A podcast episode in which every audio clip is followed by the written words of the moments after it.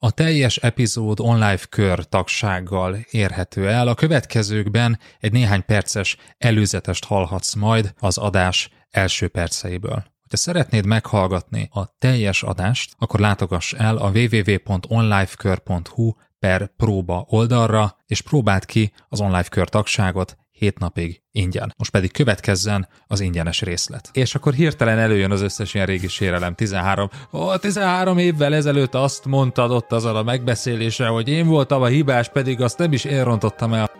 Ne okoz meglepetést. Politikai hibák 2. Üdvözöllek, ez az Online Management Podcast, én Ungvári Péter vagyok, és a mai adásban arról beszélgetünk üzlettársammal, Berze Mártonnal, hogy hogyan okozhatsz kellemetlen meglepetéseket a főnöködnek, munkatársaidnak, miért probléma ez, és hogyan kerüld el ezeket. Tarts velünk!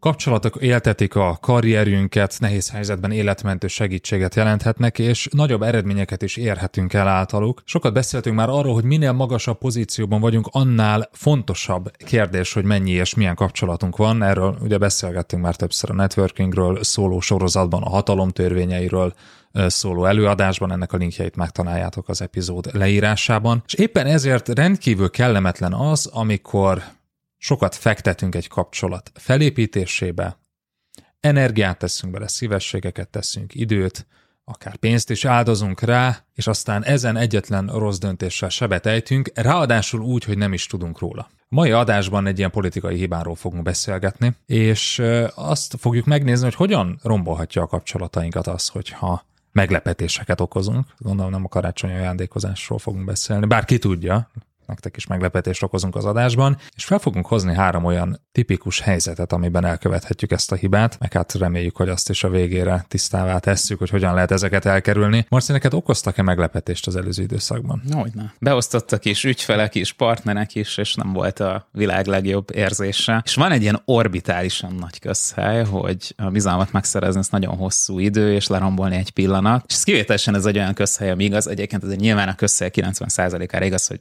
mielőtt közhelyén nem esültek, volt némi relevanciájuk is. De ez tény, hogy a bizalom felépítéséhez nagyon-nagyon hosszú az a lépcsősor, amit meg kell másznunk. Tehát rengeteg, több ezer, több száz betartott ígéretünk van benne, rendszeres kommunikációnk, azt, hogy normálisan viselkedünk, kedvesek és empatikusak vagyunk a másikkal. És való igaz az, hogy a lerombolásához sokszor tényleg elég egy pillanat, egy rossz mondat, egy rossz döntés, egy rossz helyzetfelismerés. Demonstráljuk is ezt rögtön itt egy példán keresztül. Ugye, amikor egy kapcsolatról beszélünk, akkor egy sok éves folyamat, akár több évtizedes folyamatról eh, beszélünk, és hogyha megkérdezzük, hogy te milyen a kapcsolatod ezzel az emberrel, akkor ugye egy-két szóban fogod összefoglalni az összesített érzésedet. És ez egy kicsit hasonlít ahhoz, mint amit egy nyaralás során átélünk. De elmegyünk egy-két három hétre nyaralni, és amikor megkérdezik tőlünk, hogy milyen volt a nyaralás, akkor, akkor mit mondanál? Mit mondanál a tavalyi nyaralásodról, Marci? Összességében jó volt. Igen, nem volt kiemelkedő. Igen.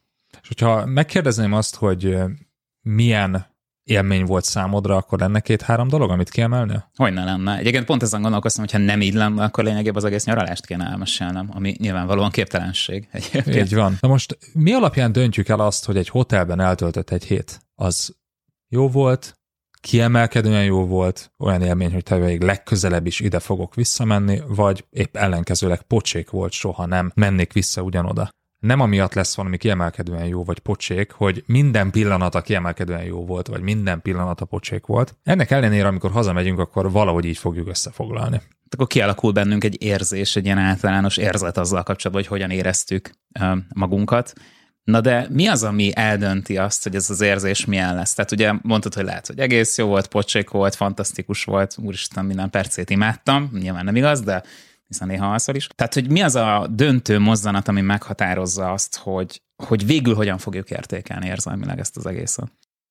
Eddig tartott a podcast ingyenesen elérhető része. Hogyha szeretnéd meghallgatni a folytatást és további több száz vezetői tananyagot a hozzájuk tartozó írásos jegyzetekkel és videókkal együtt, akkor látogass el a www.onlifekör.hu per próba oldalra, ahol az első hét napban ingyenesen teheted meg mindezt. www.onlifekör.hu per próba.